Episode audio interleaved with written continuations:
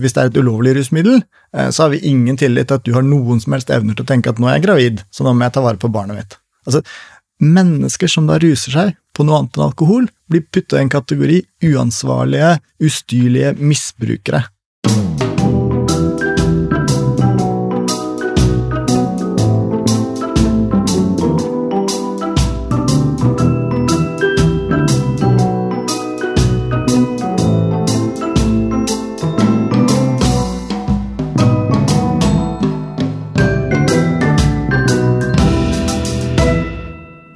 Det tid for en ny episode av Rett og slett, en podkast om det som er rett og det som er slett i vår rettsstat. Denne podkasten er som vanlig sponset av Karnov juridisk forlag. Mitt navn er Katrine Holter, og jeg er strafferettsforsker på Politihøgskolen. I denne episoden så fortsetter vi litt på temaet rus og forvaltning, og eh, jeg har fortsatt med meg eh, to jusprofessorer fra Universitetet i Bergen. Jusprofessor Hans Fredrik Martinussen, som er egentlig ekspert i panterett, men som har engasjert seg i ruspolitikk i en årrekke.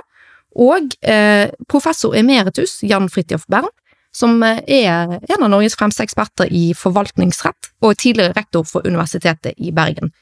I forrige episode så snakket vi mye om Høyesterett sin dom fra i høst, som knytter seg til eh, tap av førerkort.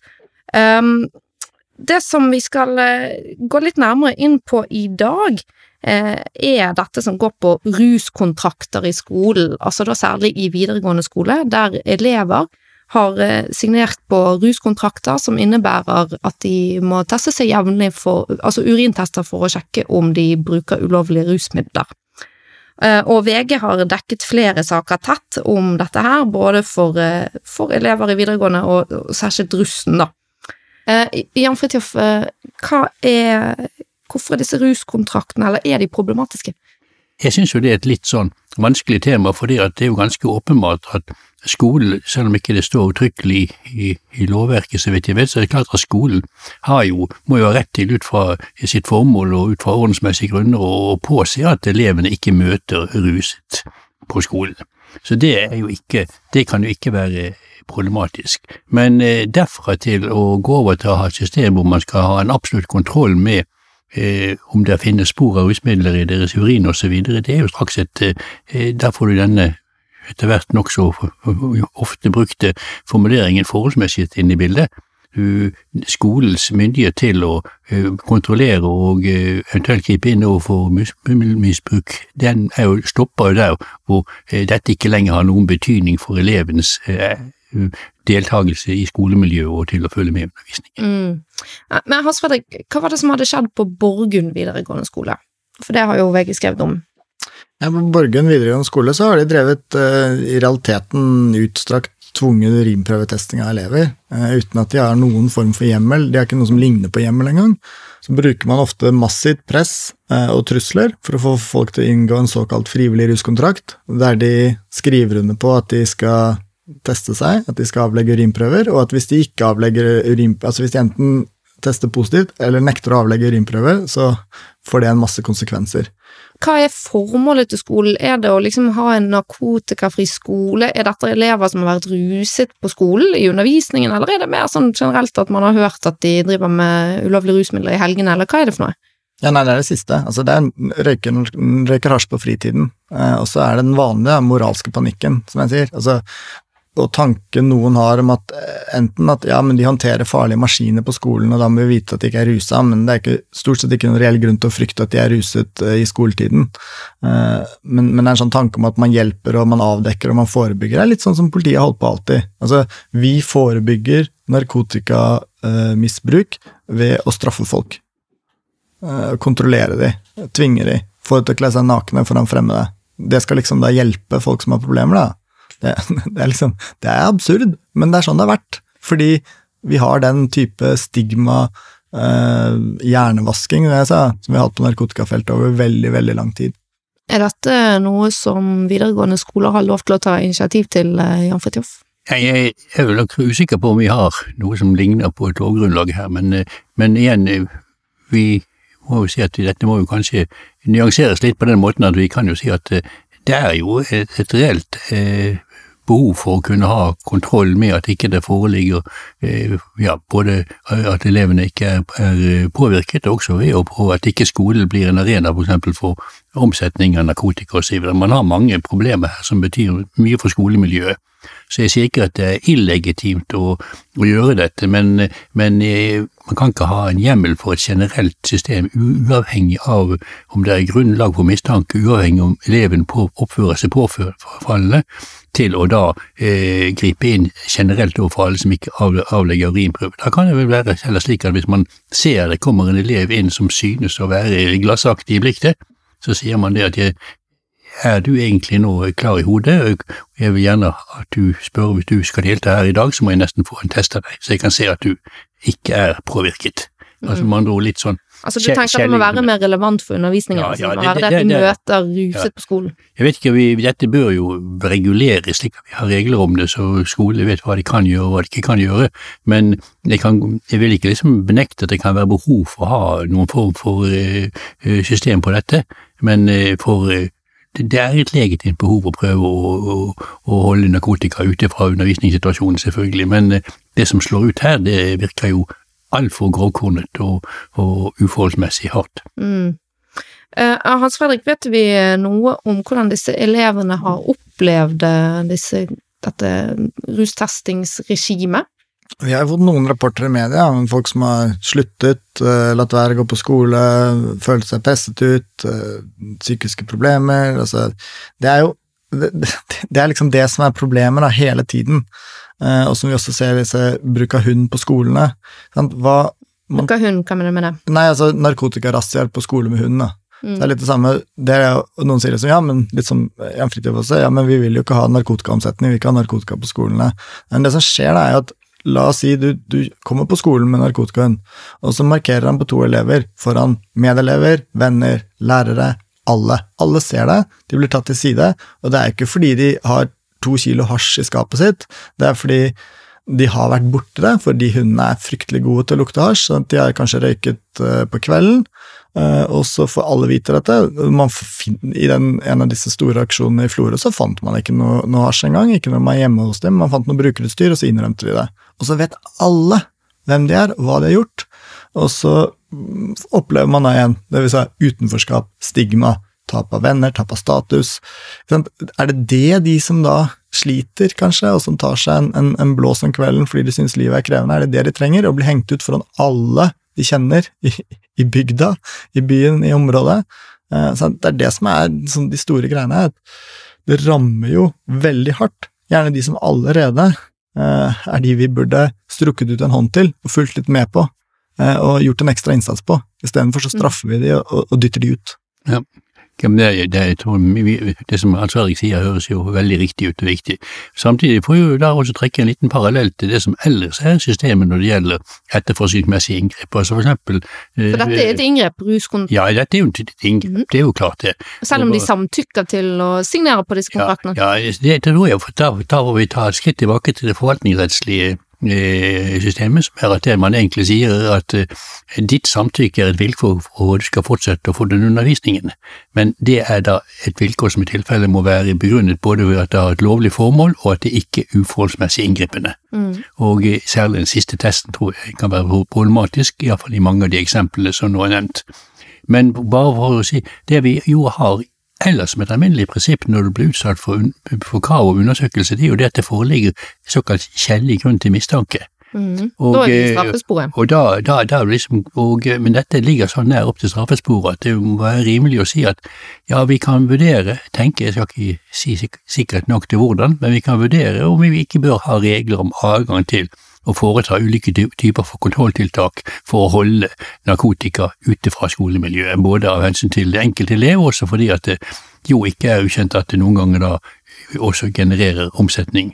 Men, men, men da må det være konkret begrunnet og gjort på en forholdsmessig måte og på en hensynsfull måte. Ja, og ikke sånn som i disse sakene der det er personer som ikke har vært ruset på skolen, men uh, man uh, har vel gode intensjoner da om at man skal prøve å hjelpe de bort ifra fra en uh, feil sti, eller? Jeg, jeg har vel inntrykk av at det først og fremst er en avskrekkingsmodell. Altså, man tenker at hvis man bare er sterk nok i klypa og sier hvor store konsekvenser det får, så vil folk uh, la være å bruke ulovlige rusmidler. Og um, det har vi vel snart 50 års erfaring på at uh, det ikke virker, men uh, det hindrer ikke folk i å slutte å fortsette å prøve. Ja, altså jeg, jeg tenker at skole nok har hatt dette som en slags avskrekkingsmodell. Samtidig så tror jeg intensjonen har vært god, men det er jo et kjent ordtak The road to hell is paved with good intentions. Ikke sant? Og det er ganske lett å gå seg bort i regelverk når man har en intensjon om å hjelpe. Men eh, altså, jeg er ikke så sikker, altså. altså. Dette, altså. Kan du si at du har en god intensjon når du statuerer et eksempel? Altså Hvis du tar en person, henger den ut, skader den, straffer den, for at de andre skal la være å gjøre noe, er det en god intensjon? Jeg kjøper det ikke helt, altså. Ja, det, det, er jo et spørsmål om hva man aksepterer som godt, ikke sant, og, og dette med å statuere eksempler, det er jo ikke noe enestående.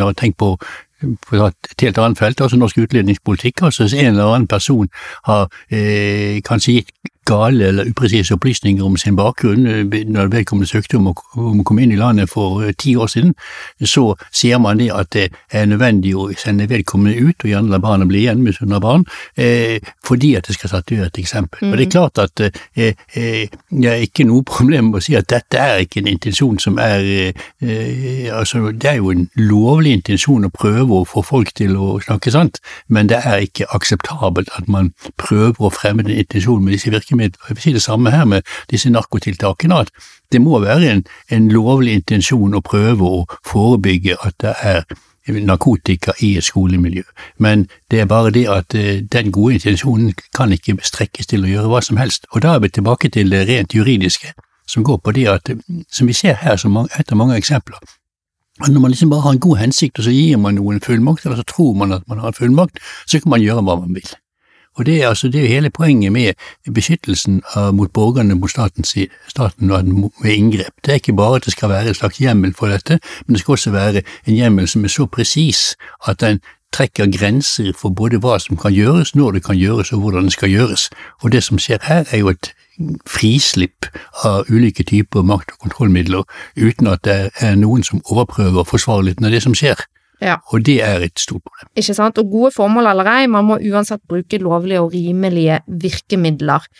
Um, I disse sakene med ruskontrakter, altså um, kan det at elevene har eh, gjennomført ruskontrakter eh, forfølge de videre på noen eh, måte, Hans Fredrik?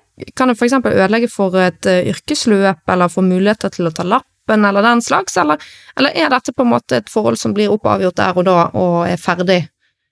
Altså det, det, altså det, at man har hatt en frivillig ruskontrakt i seg selv, er ikke et problem. Uh, problemet er hvis man uh, avlegger en positiv prøve. og det, uh, det er jo liksom litt av systemet her, da, med også, også ruskontrakten i sin alminnelighet, er at det går bra hvis du, hvis du tisser rent. men det innebærer ofte at de som da har de største rusproblemene, eh, avlegger positive prøver og får mer straff og mer politi, da. Eh, med rulleblad og de, de konsekvensene det har, f.eks. hvis de vil i Forsvaret, eller snakk om førerkort, som vi har vært inne på i forrige episode. Eh, sånn det da å avlegge en positiv prøve kan ha ganske store konsekvenser. Mm. Ja, det er jo også et spørsmål som nå begynner nok å se litt nærmere på, fordi at uh, utgangspunktet er jo det at dette er informasjon som er taushetspliktsbelagt både etter forvaltningsloven og etter helselovgivningen, og det er at du kan som alminnelig regel ikke viderebringe informasjon om sånne forhold. Mm. Hvordan er egentlig det der, for det, er det sånn, altså vi snakket jo om tap av førerkort i forrige uke. Eh, hvis en person som er alkoholiker kontakter eh, fastlegen sin for å snakke om sitt alkoholproblem, har fastlegen din da taushetsplikt om det, eller må de rapportere noe til myndighetene om kjøring? Alminnelig regel er at de har taushetsplikt. Ja, nettopp. Ja. Så er det jo unntak da, altså der det er fare for andre. Det er, det er typisk sånn at uh, taushetsplikten har en del unntak der det er nødvendig for å beskytte andre. Uh, og Det er i hvert fall det som har vært brukt, og jeg vil også si misbrukt, av mange uh, i, i, um, i, i russaker. spesielt da, i disse cannabissakene, hvor fastleger har meldt inn selv svært beskjeden bruk av cannabis, som jeg omfatter, omtaler stort sett alltid som et åpenbart brudd på taushetsplikten. Mm. Men det er klart at hvis du har en omfattende, et omfattende rusproblem, at du ruser deg daglig i store mengder, og fastlegen til og med mistenker at du kjører bil, eh, så har han hjemmel for å si fra i helsepersonelloven. Ja, jeg var, jeg er ikke helt enig med det som Hans Fredrik sier her. Jeg mener at dette som du nå refererer, at man, at man bringer videre opplysninger fra legen som om en persons individuelle rusmiddelmisbruk, eh, som ikke ellers har fått noen konsekvenser for andre, og heller ikke medfører noen umiddelbar livsfare for vedkommende, dette er et klart brudd på taushetsplikt, og det er alvorlig. Ja, jeg synes det er godt du spør om skolen nå, for hvis dette er da en type frivillig ruskontrakt mellom skole, elev, foreldre og helsepersonell, da, eh, at det er helsesøster på skolen som følger opp, så kan ikke jeg helt skjønne hvordan man skal kunne kontakte politiet i den sammenhengen. Eh, fordi både skole og helsepersonell vil jo da ha taushetsplikt, og det å skulle involvere politiet, det, det, har de ikke lov til, men det gjøres likevel, altså. Og politiet er jo part i disse avtalene, og man sier i avtalen at dette vil kunne få konsekvenser og bli etterforsket og meldt til politiet og sånn.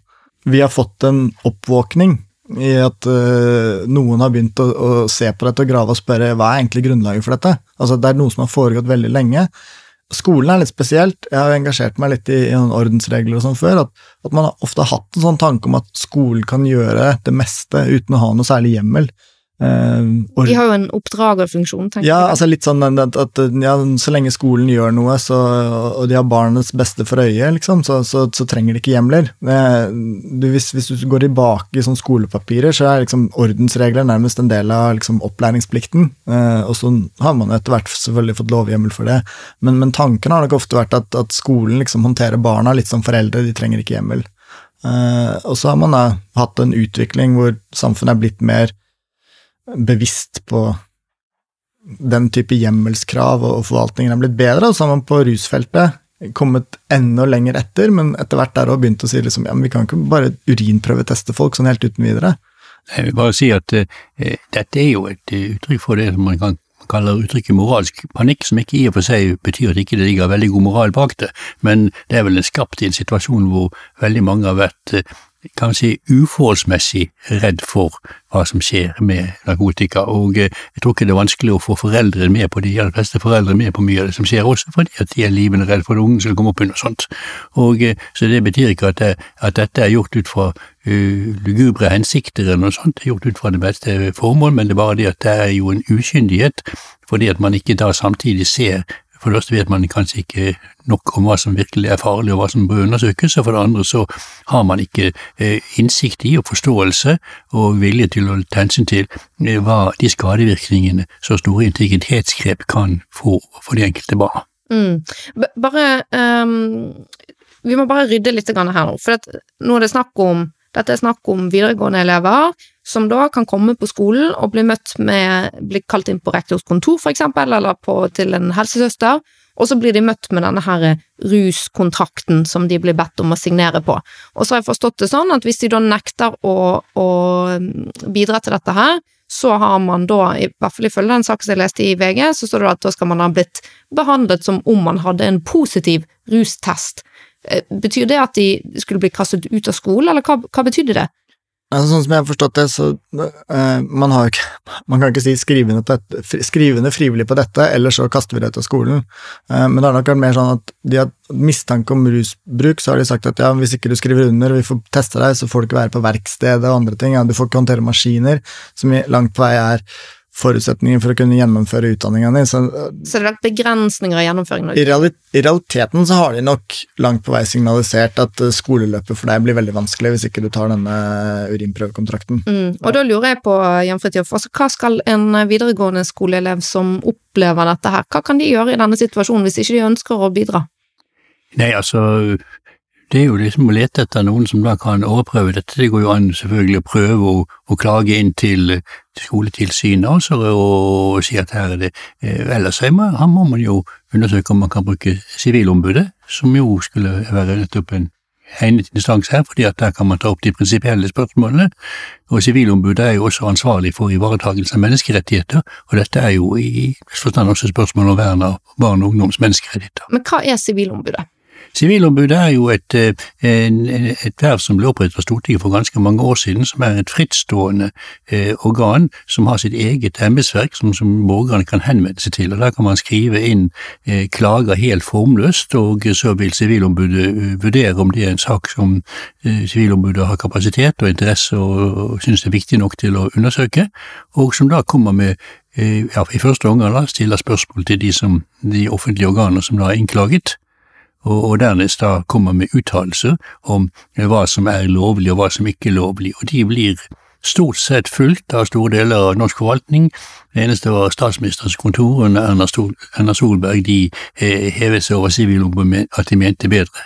Men det er Stortingets eh, eh, kontrollorgan, og hvis ikke man følger opp de tingene som Sivilombudet sier, så kan Sivilombudet rapportere til Stortinget, det kan bli sak på Stortinget, og det kan også føre til at man, hvis man da får medhold fra Sivilombudet i en klage, eh, og myndigheten ikke retter seg etter dette, så man, vil man regne med at da får man dekket fritt alle omkostninger hvis man går til rettssak mot det offentlige. Mm.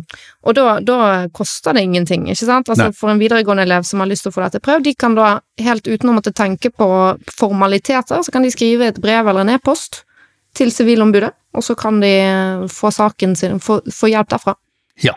Hans, Hans Jeg tror det er viktig her å presisere at når det gjelder de skolene, så har allerede departementet og Utdanningsdirektoratet fastslått at dette er ulovlig. Mm. Uh, og de skolene det gjelder, har måttet, måtte gå Kanossagangen i, i media. Så det er slutt nå? Sånn at ja, ja, vi kan være optimister. Uh, men jeg, hvis noen blir utsatt for det, så tror jeg at uh, dette er forhåpentligvis i dag veldig mye enklere. Det er snakk om å ta kontakt altså For det første kan man ta kontakt med media, for det er veldig effektivt. I tillegg så skal det være mekanismer da, hvis man, hvis man klager, tar det opp med den lokale skolesjefen, eventuelt uh, tar kontakt med Utdanningsdirektoratet og andre ting, så skal dette bli avslutta ganske kjapt. Uh, jeg, tror, uh, jeg, tror, at um, der vi er kommet nå, etter at ministeren ble spurt i Stortinget og sagt at dette skal vi ikke ha noe av, så, så tenker jeg at dette bør forsvinne. Jeg er litt mer bekymra for situasjonen på folkehøyskolene, som er litt mer uregulert. og, og, og um, men, men, det er gode signaler der òg på at folkehøyskolene uh, har sagt at de vil se på regelverket og justere seg, de også. Ja, og det er jo slik at Folkehøyskolene er jo ikke, er jo stort sett eh, ikke eid av stat eller kommune, men de er under tilsyn fra de ordinære skolemyndighetene, enten det nå er statsforvalteren og, og embetsverket der, eller det eventuelt er departementet. Mm. Så man kan fortsatt eh, gjøre en offentlig sak om det ved å skrive til statsforvalteren. Statsforvalteren er jo da den tidligere ja. fylkesmannen. Den gamle fylkesmannen, ja. Yes. Eh, men hva med alle de som har eh, fullført ruskontrakter, kan de få noen form for oppreisning, Jan Fridtjof? år? det er vel usikkert om det er en realistisk Eh, tilnærming, men hvis noen kan påvise, eh, påvise, at de har blitt utsatt for store, alvorlige psykiske belastninger som har påført, som har så å si ødelagt livskvaliteten deres, så kan man tenke seg at det ville kunne bli en erstatningssak mot det offentlige for dette, ja. Men en litt tung vei å gå, kanskje? Svært tung, svært tung vei å gå. Problemet i Norge er at vi normalt ikke eller det er et problem, Egentlig så er det en god ting at vi kompenserer ikke sånn, lidelser og plager økonomisk. Altså, vi har ikke et system hvor det at eh, har, vi har påført deg en eller annen form for lidelse og plager, og derfor får du en million i erstatning, som man ser fra amerikanske eh, rettssaler. Um, sånn at hvis man må i utgangspunktet ha blitt påført et eller annet form for økonomisk tap, Før du kan kreve ja. erstatning, da. Ellers mm. er det eventuelt da å få dom for menneskerettighetskrenkelser eller andre og, gå den veien, men, men uh, jevnt over så tenker jeg at, uh, at uh, det blir mye, mye arbeid, en tung sak, uten at man kan oppnå all verdens. Da. Jeg også bare føye til at det er også det at for å få såkalt oppreisning, som det het i gamle dager, altså erstatning for ikke-økonomisk tap eller lidelse, så skal det være utvist grov uaktsomhet altså fra mm. myndighetens side. Ja. Og eh, for noen uker siden så kunne man eh, lese om eh, en sak som jeg tror opprørte mange i VG. Eh, det var eh, en person som heter Hege Grostad. Eh, som opplevde noe som hun rapporterte om live på Twitter, og som hun opplevde som traumatisk. Hans Fredrik Martinussen, hvem er Hege Grostad, og hva var det som skjedde med hun? Hege Grostad dukket i sin tid opp Jeg har vært på Twitter veldig lenge, det er en av de kanalene jeg bruker. Eh, og Hege Grostad dukket i sin tid opp som Frøken X på Twitter, og sto etter var vel etter hvert den første norske kvinnen som sto veldig sånn tydelig fram og sa at jeg selger sex, og det burde, være, burde ikke staten legge seg borti.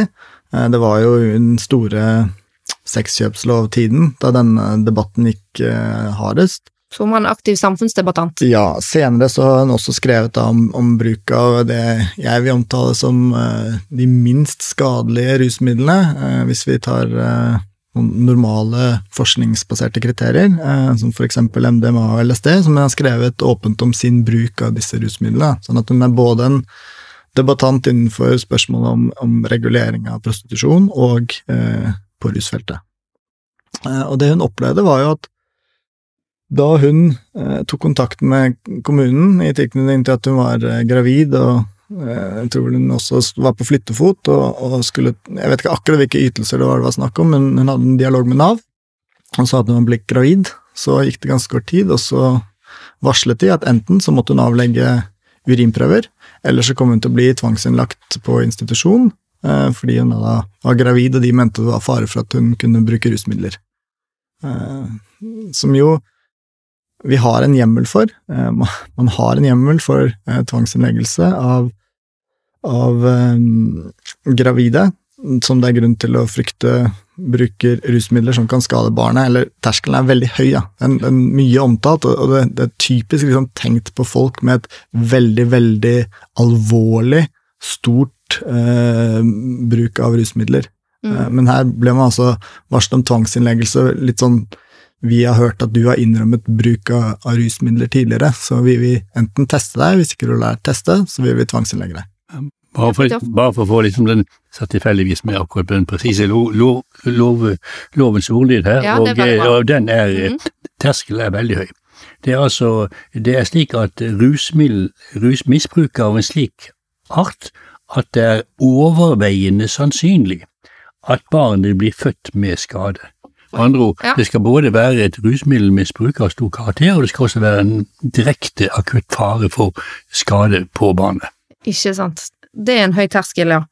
Um, hva tenker du om denne saken, eh, Jan Fridtjof? Nei, Det er jo en, eh, et eksempel på dette at når man gir eh, fullmakter til ø, offentlige myndigheter, og de begynner å lete rundt etter forskjellige regler om gode formål å ivareta, så løper de ofte litt løpsk. Altså, det er litt med at eh, Det minner jo litt om denne berømte med Gunmund Hernes om at hvis man eh, har en hammer, så definerer man alle problemer som spiker, og liksom nå skal vi sørge for at barn, ingen barn skal bli påført skade, og da tar vi alle og vi kjører inn et strengst mulig regime uten hensyn til motforestillinger i det hele tatt. Og eh, det er ganske åpenbart at dette lå langt utenfor det som man hadde hjemmel til. Og i tillegg så kommer det andre poenget. Og det er det at det står ingenting i loven om at man har rett til å gjennomføre ulike former for eh, tvangsmessig testing for å bringe dette på det rene. Det, kan, det betyr at hvis man først har informasjon som viser at den damen har brukt uh, tunge rusmiddelmisbruk på et tidspunkt i svangerskapet, det er også en veldig komplisert vurdering, men på et tidspunkt i svangerskapet hvor dette kan være farlig for barnet, så kan man si at hør, nå regner vi med at dette er, uh, du er i en posisjon hvor du vil påføre barnet ditt skade, overveiende sannsynlig, og da kan man forlange å få en urinprøve for å få avkreftet det vedtaket som man ellers ville ha truffet. Men det er ikke nok å gå ut og sånne på en sånn fisketur som det her er tale om. Vi har hørt at du er litt sånn eh, eh løs i slippen når det gjelder disse tingene, og derfor vil vi ha kontroll over deg. Mm. Det som eh, er ganske opprørende med denne saken òg, er jo at man skal eh, Altså, formålet her er jo altså, antagelig da at man skal altså, Vi må jo tenke at formålet til kommunen har vært uh, barnets beste, men det å bli satt i den situasjonen som hun blir, er jo antagelig ganske stressende, ikke sant? Og det òg kan jo utgjøre en trussel når man er tidlig i et svangerskap. Hva er det med denne saken som opprører deg, Hans Fredrik? Det er flere sider av det, men det ene er igjen sånn demoniseringen og stigmatiseringen, og, der man ser så godt at ulovlige rusmidler eh, leder til helt andre eh, reaksjoner enn en lovlige. Det er ingen som ville finne på å si eh, til kvinner flest som er blitt gravide, og si at ja, vi har sett at du har omtalt liksom, alkoholbruk på Facebook det siste året, opptil fire-fem anledninger. Du la ut bilde fra julebordet med, med, med en hel flaske i hånda, liksom. Eh, ja, så vi må tvangsinnlegge deg. Eh, det er ingen som vil gjøre det, fordi man har tillit til at kvinner flest som drikker alkohol, greier å gjøre den vurderingen at nå er jeg gravid, alkohol er skadelig for fosteret, derfor lar jeg være. Mens hvis du da omtalte at å ja, nei, jeg røyker litt cannabis, eller i dette tilfellet eh, jeg tar fleinsopp, for jeg syns det er eh, utviklende for meg som person, som er en av de tingene som, som Hege Grostad har skrevet i sosiale medier, og som politiet faktisk har registrert. Eh, det kan vi komme tilbake til, kanskje. Eh, men så tenker de at ja, ja, men da, du kommer jo ikke til å kunne styre deg, du da. Altså, Hvis det er et ulovlig rusmiddel, eh, så har vi ingen tillit til at du har noen som helst evner til å tenke at nå er jeg gravid, så nå må jeg ta vare på barnet mitt. Altså, Mennesker som da ruser seg på noe annet enn alkohol, blir putta i en kategori uansvarlige, ustyrlige misbrukere. Ville det vært annerledes eh, dersom det hadde vært snakk om en person som i sosiale medier eh, skrev åpent om at de hadde et alvorlig rusproblem? Kunne man da pågrepet personen og avkrevd en urinprøve? Altså, ikke, ikke avkrevet, men det er klart at eh, det går jo an å da å prøve å undersøke og finne ut, man, finne ut det man kan om vedkommende persons livsførsel. Hvis man klarer å få inn troverdig informasjon som viser at hun lever et liv som er, er eh, farlig for barnet, eh, så kan man si det at hun har bedt om en samtale og sagt at du ser at du har et alvorlig problem, vi må finne en løsning på dette, vi må være sikre på at ikke du fortsetter på denne måten. Mm. Vi vil være villige til å gå inn på og avgi rusprøver. Så hører det, hører det også med i bildet, bare for det skal være bakgrunn. Dette er jo en bestemmelse som jeg tror er veldig vanskelig å anvende, og, og problematisk, fordi at nå har jeg bare overfladisk kunnskap om det, men så vidt jeg forstår, så er jo det med skadevirkninger for barnet, det er særlig den første delen av svangerskapet, dette er et akutt problemstilling. Og det fører til en litt pussig situasjon at uh, hvis man klarer å uh, hvis man da uh, kommer og fanger opp noen og sier nå vil, jeg, nå vil vi tvangsinnlegge deg, så sier hun ja, men da tar jeg abort og det kan ingen hindre henne å gjøre. Så jeg vet ikke, jeg har ikke tall på dette, men jeg har mistanke om at dette er tvangshjemmel som brukes svært sjelden, fordi at den rett og slett ikke egentlig fungerer. Mm. Og, og, her er det også veldig viktig å understreke at uh, for Hege Grosa så var jo den uh, urinprøven den var jo negativ, sånn at det var jo, det var jo helt grunnløst. Ja, altså denne konkrete saken er liksom ikke det er ikke mer å tenke på juridisk sett, altså dette var bare et overgrep. Jeg syns av og til er sånn, si, morsomt i, i, den konteksten at det er lite i denne saken som egentlig er morsomt, men å si at to av de mest skadelige To godt bevist skadelige stoffer for et foster, eh, det er to av de mest avhengighetsskapende og to av de mest brukte rusmidlene, hvis jeg kan kalle det vi vet om. Det er nikotin, eh, tobakk eh, og kaffe. Så jeg ser det med mitt kaffeforbruk Jeg skryter jo stadig av eh, hvor mye kaffe jeg drikker. Eh, eller litt sånn hoderystende å si at hvis eh, jeg hadde havna på Luksusfellen, så hadde Halvor Kvadsheim åpna skapet, og så hadde jeg ramla ut Nespresso-kapsler for titusenvis av kroner. Så det er liksom tror ingen liksom, får den type oppfølging fordi de drikker for mye kaffe eller røyker i svangerskapet, altså. Men, men, men tar det fleinsopp, som jeg tror det ikke er noe særlig Uh, lite forskningsmessig belegg for at det er spesielt farlig for et foster, uh, så er altså alle piggene ute. Mm. Og det sier noe Men likevel best å la være, da. Det er sannsynligvis best å la være, uh, og det fins lite forskning si på det. Så det bør man, bør man nok unngå. Er det godt du ikke tenker på kjønnsskifte, da? Nei, det, det, det, hadde blitt tungt å være gravid. Ni-ti måneder uten kaffe, det tror jeg hadde nesten tatt livet av meg. Hva tenker dere om eh, ytringsfrihet i dette tilfellet, ble den truet? Ja, det er jo en indirekte trussel for, for ytringsfriheten, selvfølgelig, men det, dette er jo det, det mer generelle problemet med at man eh, bruker og misbruker eh, det som ligger ute på nettet, eh, til ulike typer formål. Eh, eh det skal i og for seg ikke, skulle i og for seg ikke være noe spørsmål om ytringsfrihet, for det som er her referert, det er jo ting som så åpenbart ikke hun har ikke sagt noe ulovlig eller noe som tilsier noe, eh, men, eh, men, eh, så jeg tror at vi får vel sette den diskusjonen i parentes akkurat her. Men ja, vi har jo kanskje en annen sak liggende i sporet som vi skal snakke om, hvor dette blir, mm. mer, blir mer akutt. Ja, jeg vil også at det som bekymrer meg en del, er at jeg har jo jeg, jeg, snakker med folk, jeg får jo Jeg har snakket med, med, med Hege Grostad og, og, og, Jon Christian Elden, som er forsvareren hennes Jeg er ikke forsvarer, han er advokaten hennes i denne saken. Uh, og, og, jeg har fått oversendt, jeg har fått oversendt blant annet uh, politiets uh, De opplysningene politiet har sendt kommunen, for kommunen sa at vi har snakket med politiet. Og politiet har tatt en utskrift En ting er at de har Hege Grostad ikke, har ingen registrering i straffesaksregisteret, ikke tidligere domfelt eller bøtelagt, men de har en lang, sånn, tre siders eh, oversikt over sånne ulike etterretningsopplysninger, helt ned på sånn at, at hun har vært med i en, denne veldedige non-profit-organisasjonen Emma Sofia, som er laget til Synapse, som er en organisasjon som jobber for regulering av MDMA og psykedelika i Norge, og, og endring av lovgivningen på det feltet. De har kommet så langt inn at de, de, de har overvåket profiler hun har hatt eh, på sånn side for sexsalg på nettet, eh, hvor man selvfølgelig ikke registrerer seg med, med fullt navn og, og, og, sitt eget uh, private telefonnummer. Og det er ganske mange liksom, registreringer løpende om hva hun har omtalt i sosiale medier. Det er også det er en, gang så har de gjort noe konkret. De har mottatt melding om mulig ruskjøring, rykket ut, testet henne, hun har vært negativ. Så Hege Grostad opplever til stadighet Eh, å bli eh, oppsøkt av politiet, avlegge test som er negativ, og likevel så fortsetter de å overvåke henne. Eh, og vi ser jo, senest på NRK Ytring i går eller i forgårs, en ung samfunnsdebattant som heter Silje Mack, som fortalte fortalte om sin opplevelse med barnevernet, fordi hun var en legaliseringsforkjemper og uttalte seg om ruspolitikk i media endte da med, med, bekymringsmelding, og barnevernet vurderte om det var bra for barna hennes å ha en mor som snakket om legalisering i media på den måten.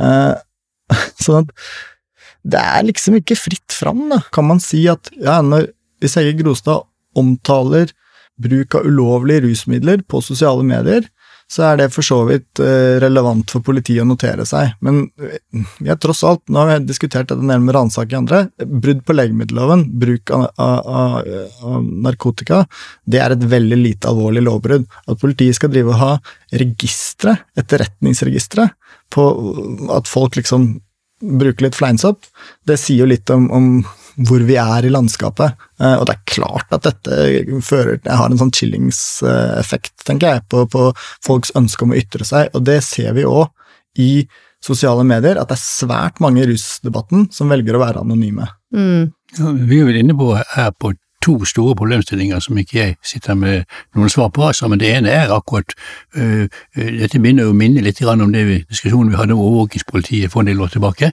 Altså med andre ord, øh, hvor mye data og på hvilket grunnlag kan politiet drive og samle inn og bygge opp så å si personregistre øh, som en sånn forebyggende virksomhet som ikke er knyttet til konkret kriminalitetsetterforskning.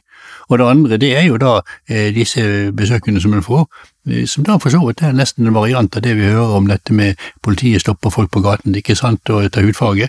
Eh, altså Spørsmålet blir da eh, må vi ha regler hvor politiet i større grad må eh, begrunne og loggføre eh, grunnlaget for at de iverksetter den type eh, undersøkelser. Mm. Ikke sant. Nei, um, jeg tror vi skal uh, må tenke litt på tiden her, og jeg tror vi skal gå over til det siste temaet som uh, jeg har satt opp for i dag, og det er jo denne skjenkeavtalen fra Kristiansand, uh, og denne som var en del av denne Bry, eller denne Bry deg-kampanjen kommer jo inn i dette spørsmålet her, Bry deg-kampanjen til Norsk Narkotikapolitiforening. Eh, Hans Fredrik Martinussen, kan du eh, kort gjengi hva denne skjenkesaken i Kristiansand egentlig gikk ut på? Ja, det er jo det er faktisk mange av ja. Men, men uh, det man har, er at man har inngått et samarbeid mellom stort sett kommunen, utelivet, Norsk Narkotikapolitiforening og noen ganger også politiet. Mm, og dette er også omtalt i VG. Ja, og, og, det har egentlig vært en stor satsing, den Bry deg uteliv. Eh, det har vært i hele Norge, det er Tromsø, Arendal, eh, Eidsvoll, jeg har sett mange. Eh, og, og, det handler da om at man skal liksom ta et standpunkt mot bruk av narkotika. Eh, der man blant annet liksom forbyr da, legaliseringssymboler. Sier at i dette lokalet vil vi ikke ha legaliseringssymboler. Eh, sånn at hvis du da kommer med en type legalized legalize mariana-T-skjorte, eh, så skal du da bortvises fra stedet. Eh, og det ligger nok òg inni det eh, kursing, eh, andre tette bånd mellom kommunene, utesteder, Norsk Narkotikapolitiforening osv. Ja, for dette her var altså da en avtale som ble inngått mellom skjenkemyndighetene, altså ved kommunen da, og politiet, der det blant annet inne i en sånn større avtale så var det et punkt om at de skulle henge opp en plakat, eller en plakett, um, om at personer med legaliseringssymboler på klær ikke skulle være velkomne. Eh, og det å gå med symboler på klær, sant, det er jo en, en, form for ytring som er da beskyttet av eh, Grunnloven. Sånn at eh, en sånn en sånn plakett og det å henge opp det og gjøre det til et, liksom en større avtale om skjenkeavtale, eller til en større skjenkeavtale, det er, er grunnlovsstridig etter mitt syn, og det har jeg også sagt offentlig før. Altså, Jan Fridtjof, hva, hva tenker du om denne saken? Ja, jeg begynner med å si at uh, dette er jo ikke så nytt som man kanskje kan tro det er, for dette er et eksempel på at man nettopp prøver å bruke uh, skjenkerettsbestemmelsene som et inntak for å føre ulike typer for kontroll med miljøene på utestedene. Vi hadde jo hatt uh, episodespørsmål om dette med å nekte, plikt til å nekte adgang til personer som kommer inn med skinnjakker med sånne motorsykkelemblemer osv., og, og, og dette er da videreført her nå ved at man nå altså prøver å, å og på en måte si til eh, publikum at eh, hvis du hører til de som er for eh, legalisering av hasj og har et positivt forhold til det, så er du ikke velkommen her. Vi har også hatt dette med at man har fratatt skjenkesteder bevilgning hvis man har oppdaget at det har foregått noe form for narkotikaomsetning i bakrommet. Altså, igjen et eksempel på at når du gir et forvaltningsorgan brede fullmakter til å gi eller, eller ta fra deg rettigheter som du trenger for å kunne drive en økonomisk virksomhet, så skaper du en veldig risikabel situasjon, for da er den som skal ha disse tillatelsene i en veldig sårbar posisjon, og vanskelig for å kunne si nei mm -hmm. til det som blir sagt. Og, eh, og, og eh, vi har hatt faktisk mye, mye sånn, en del høyesterettspraksis omkring dette også, med tilfeller hvor man har prøvd å, å, koble dette opp mot andre typer konflikter, fagforeningssaker og andre ting. Jeg skal ikke prøve å nøste det opp her nå.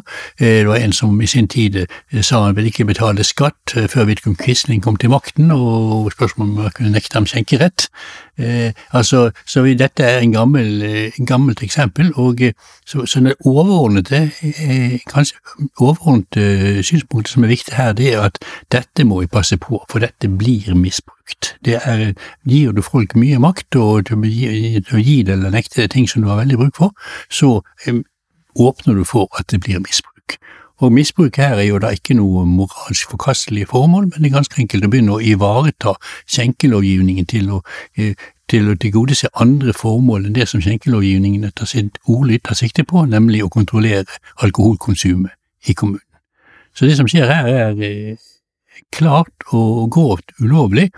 Og eh, det man gjør her, er at man i virkeligheten setter noen vilkår for å, for å ha slik bevilgning, at du går med på å la det innrullere i en bestemt type aksjon mot et uønsket politisk standpunkt, for det er et politisk standpunkt. Legalisering av er et politisk standpunkt. Det er ikke engang å spørsmål om å bekjempe kriminell virksomhet, det er ganske enkelt bare å si at vi ikke har folk som mener sånt her. Så det er jo en grovt misbruk av denne myndigheten. Og en begrensning av ytringsfriheten i strid med Grunnloven. Ja, og i tillegg så har vi jo dette her med at de er også en grov pliktforsømmelse fra eh, skjenkerettsmyndigheten når de inngår en sånn avtale, for det innebærer jo det at man forskjellsbehandler eh, skjenkesteder ved at man plutselig sier at det systemet som vi ellers bruker til å eh, kontrollere og begrense og, og reagere overfor brudd på skjenkerettsregler, det skal ikke gjelde for deg gir et par stykker, gir et par sånne steder frikort til å dere ha, skal ikke bli prikkbelastet, skal ikke miste eh, det, det, Om dere er litt løssluppen når det gjelder å sende skjenke til mindreårige og slike ting, så skal nok vi se gjennom fingrene hvis dere bare sørger for at dere er på vårt parti og gjør som det som vi vil. Så dette er et klassisk gammelt juridisk uttrykk, dette er myndighetsmisbruk. Nettopp. Altså, vi har jo, altså Forvaltningsretten er jo bygget opp sånn at du har forvaltningsloven, som på en måte er paraplyloven over alle lovene, som regulerer grunnleggende forvaltningsrett. Og så har du en rekke spesielle forvaltningslover som går inn og regulerer enkelte saksfelter, ikke sant. Og skjenkeloven, den skjenkelovgivningen, eh, det er vel alkoholloven, ikke det? Jo. Og, og, hver av disse spesielle forvaltningslovene har sine egne formål, de skal tjene sine egne formål, og det står i formålsparagrafen. Og det som står der, legger jo da rammene for hvilke hensyn det er lovlig å trekke inn i den type, sånn at du setter vilkår for å få et gode, ikke sant, og det er jo det du er inne på nå, som er at her har man da gått utenfor rammene som er satt i den enkelte lov, ved å trekke inn utenforliggende hensyn. Ja, det, er det sentrale poenget, og der det er altså saken den at det står ikke noe om slike ting i forvaltningsloven som en regel først og fremst om saksbehandling. Men eh, dette med, med forbudet mot å ta utenforliggende hensyn og andre typer for kontroll med hvordan myndigheten utøves, som ikke er lovfestet, det springer ut av så å si av rettsstatsprinsippet. For det som skjer her, er at når lovgiver gir forvaltningsmyndigheter kompetanse til å bestemme at du skal ha eller ikke skal ha en rettighet, så må det da ses som en fullmakt til å utøve makt overfor borgeren, men da må den fullmakten leses og tolkes med de begrensninger som så å si underforstått ofte ligger i det hele. Alkohollovgivningen har ikke uttømmende regler om hvilke hensyn du kan ta, men alle kan se at dette er en lov som er laget for å kontrollere alkoholomsetningen. Så hvis man da bruker den til å ivareta ting som ikke har noe med det å gjøre, så har man gjort noe som man ikke har hjemmel i lov for. Ikke sant. Hans Fredrik, vil du kommentere noe mer knyttet til skjenkeavtalen i Kristiansand? Jeg tenker det er kanskje noen ganger greit å si at det, altså, utelivet står i en ganske vanskelig situasjon. Det alvorlige her er jo primært det offentlighets uh, opptreden. Uh, utelivsbransjen er en skvis. De oppfatter at politiet kommer og tilbyr dem noe. Uh, sånn. De burde sikkert latt være å henge opp den plakaten, la være å gå med på avtalen, men det, det alvorlige her er jo sånn det offentlighets engasjement i å begrense ytringsfriheten. Altså, og i tillegg at, at ikke bare er det utenforliggende hensyn, men det er hensyn som er nesten direkte motarbeider det formålet med alkohol. Altså man skal liksom gi det litt slack. Det er ytringstvang. ja. du, du blir tvunget til å si noe. Mm. Ja, så, så, eh, det er viktig at eh, Jeg syns at eh, det, det, er liksom det er kommunene, politiet og Narkotikapolitiforeningen her som er de som er pådriverne, som er problemet. Det kan nok være sånn at Jeg får noen ganger spørsmål om ja, men kan man aldri liksom utelukke noen fra noe på noe grunnlag. Så jeg, det er, vi har diskrimineringslovgivning. Men det er klart, hvis du lager en studentforening for eh, konservative høyreungdommer, så kan du sikkert eh, nekte kommunistene å være med på møtet. men, men, eh, staten kan ikke måtte stå bak, eller kommunene, det offentlige og politiet og si at ja, men nei, her, her bør dere ikke slippe inn X, Y og Z. Jeg bare føyer til at vi skal jo altså i, i denne diskusjonen skal vi jo liksom passe på at ikke vi nå liksom begynner å lage et sånt galleri av eh, noen med hvite og noen med svarte harter, skurker og helter. Og, eh, ja, det og, tror jeg er kjempeviktig. Og, mm. og, og for å føye til at eh, som hvis vi får inntrykk av at dette bare er noe som er skapt fordi at det sitter en sånn narkotikapolitiforening utenfor og presser på og sånn, eh, så blir nok det litt ufullstendig. Akkurat som noen, noen av sakene var borte tidligere. Mm, offentlige myndigheter påvirkes jo av hvem det er de samarbeider med, og de offentlige myndigheter er alle sammen underkalibrert når det gjelder kunnskap og informasjon og apparat, og synes det er veldig nyttig hvis de får engasjerte foreninger og andre til å komme inn og hjelpe dem med å skaffe informasjon og mm. synspunkter og forslag. Så det, eh, så det det, det egentlig dreier seg om, er at vi må få offentlige organer til, til, til, å være veldig bevisst på at det er klare grenser for hvordan man kan inngå sånne tette samarbeidsforhold ne. med bestemte aktører. Og ansvaret ligger på de offentlige ja. myndighetene, først og fremst, i alle fall. Og, og, og, politiet er jo på en måte et produkt av samfunnets panikk. Altså, politiet har fått oppgaven med å håndheve forbudet. Det er de som har stått fremst, og de er jo litt den posisjonen at de blir tilkalt hver gang det går galt. Sånn, de ser alle de, de måte, de verste konsekvensene av det. Litt som om hvis vi hadde, og den gang vi hadde, alkoholforbud, så hadde man bare sett de som, som uh, ikke håndterte det, som sloss eller uh, ulike overgrep. Man ser liksom de verste av det, og, og politiet har stått i den frontlinjen såpass lenge at, og hatt trykket fra samfunnet om å løse liksom, narkotikaproblemer i anførselstegn så lenge at, at de har liksom gått seg litt fast i en grøft. Det tror jeg synes åpenbart for de aller, aller fleste. Men derfor er jo mye av engasjementet her å si at man kan faktisk ikke uten videre ta det politiet sier i denne debatten for god fisk. Og problemet er at vi må få politiet ut av den politiske debatten eh, og få den over tilbake i det faglige sporet der den hører hjemme. Fordi politiet kan godt komme med sine erfaringer, men de synspunktene de fremmer i dag, er ikke kunnskapsbaserte og strider med mye av den forskningen som blir lagt fram løpende. Kan jeg bare skyte inn da, så Det som jeg tror er viktig her, det er at vi er klar over at alle organer, enten det er politi eller forvaltningsorganer eller organisasjoner, blir preget av tunnelsyn. Where you stand depends on where you sit. Og eh, gamle sorenskriver Apenes, sønn far til eh, Georg Apenes i sin tid, eh, han sa at som sorenskriver har man mest å gjøre med to typer mennesker, det er arvinger og forbrytere. Og eh, jeg foretrekker da langt eh, forbryterne, men, men det, bak det så ligger altså dette at når påtalemyndigheten kommer inn med personer, så er det veldig ofte at en sorenskriver vil si at dette er en kjent person på en kjent plass, og da ser man mennesket på det. Når jobber du i politiet, så har du å gjøre med personer som gjerne har et problematisk forhold til lovene, og, eh, og ser at de ofte da er det koblet opp mot narkotika, misbruk og omsetning osv., så, videre, så ser man hele verden gjennom de brillene. De ser ikke de andre menneskene, og så rubriserer de andre mennesker inn i samme boksen, fordi de har ikke sett hele bildet, de ser bare en liten del av bildet. Og det er altså forvaltningsorganer. De ser bare akkurat den smale segmentet som de satt til å forvalte, og det er derfor jussen kommer inn med sine krav til begrunnelse og etterprøvbarhet av den, både de enkeltvedtakene som treffes, og de reglene som gis. Og ja. For å gi en veldig rar liten historie, da jeg var helt ung dommerfullmektig, så fikk jeg inn sak med butikktyveri. Du var dommerformektig? Ja, dommerformektig, mm. ja. Og jeg var helt ung, fersk jurist uten livserfaring eller noen ting. Men Da var det en kvinne som da hadde plukket med seg noen varer og lagt i vesken sin. Og det som var historien, var at dette var et eh, helt, det var det første supermarkedet i Bergen, Mekka. Og, og, da kom de og påtalemyndigheten sa ja, her må vi være veldig strenge, for vi må sørge for vi har strenge regler som sørger for at folk respekterer og ikke stjeler, for da ødelegger de hele dette nye, flotte tilbudet med supermarked. Og da sa jeg i min dom, og um, min mor ble veldig begeistret, sa de at når disse setter i gang en sånn butikk, hvor de da til de grader eksponerer folk for fristelser for å drive butikken mer økonomisk, så er ikke det et straffskjerpende forhold som gjør at folk skal rammes hardere. Da må vi tvert imot se på hvordan det virker for det mennesket som står midt oppi dette. Vi må ha et bredere syn på det. Så det var iallfall et av mine lyse øyeblikk i min ungdom. Mm. Veldig fint. Avslutningsvis så ber jeg alle gjestene mine om å fremheve noe de synes er rett eller slett i vår rettsstat. Og da begynner jeg med deg, Hans Fredrik, og vi må prøve å holde det litt kort nå, for nå er vi på overtid. Ja, nei, jeg kan si legemiddellovens § 31 andre ledd, jeg. Forbudet eh, mot eh, Eller eh, straffen for å putte noe i ens egen kropp, straffen bare for å ha et eh, rusmiddel i blodet, som vi faktisk er nesten alene med i Europa, og straffe bruk, ikke bare besittelse. Uh, og den voldsomme iveren uh, for ikke minst å, å, å straffe og plage ungdom for noe tyskerne nå snart kan kjøpe lovlig på butikken, eh, det syns jeg er eh, opprørende. Takk.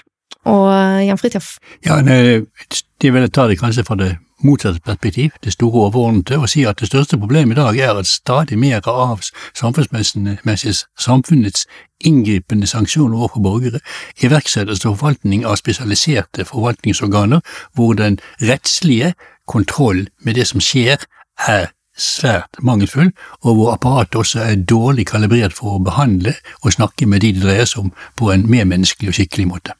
Hvorfor skjer det, tror du? Nei, det er kapasitetsproblemer. Alt, alt dreier seg til syvende og sist om statsbudsjettet. Vi, vi, vi, vi syns ikke vi har råd til å bygge opp et forvaltningsapparat med flere saksbehandlere. På Nav så kutter man ned på hvor mange minutter man har lov til å snakke med klienten på telefonen for å kunne dekke flest mulig. Saksbehandlingstiden på en rekke områder er uforsvarlig lang, og, og de ansatte er ofte veldig stresset i sin relasjon. De er også dårlig trenet på å snakke med, eh, med, med borgerne. Vi har et forvaltningsapparat som i stigende grad begynner å ligne på et politi, i stedet for at det skulle være folkets tjenere som hjalp folk i ulike situasjoner å treffe fornuftige beslutninger og komme ut av vanskelige situasjoner. Mm. Tusen takk for det, og tusen takk for at dere ville være med i Rett og slett. Det var det vi hadde for denne gang om rus og forvaltning, og takk til alle dere hjemme som har fulgt med på oss. Eh, husk å abonnere, på denne podkasten, så får du opp varsel når neste episode legges ut. Takk for i dag.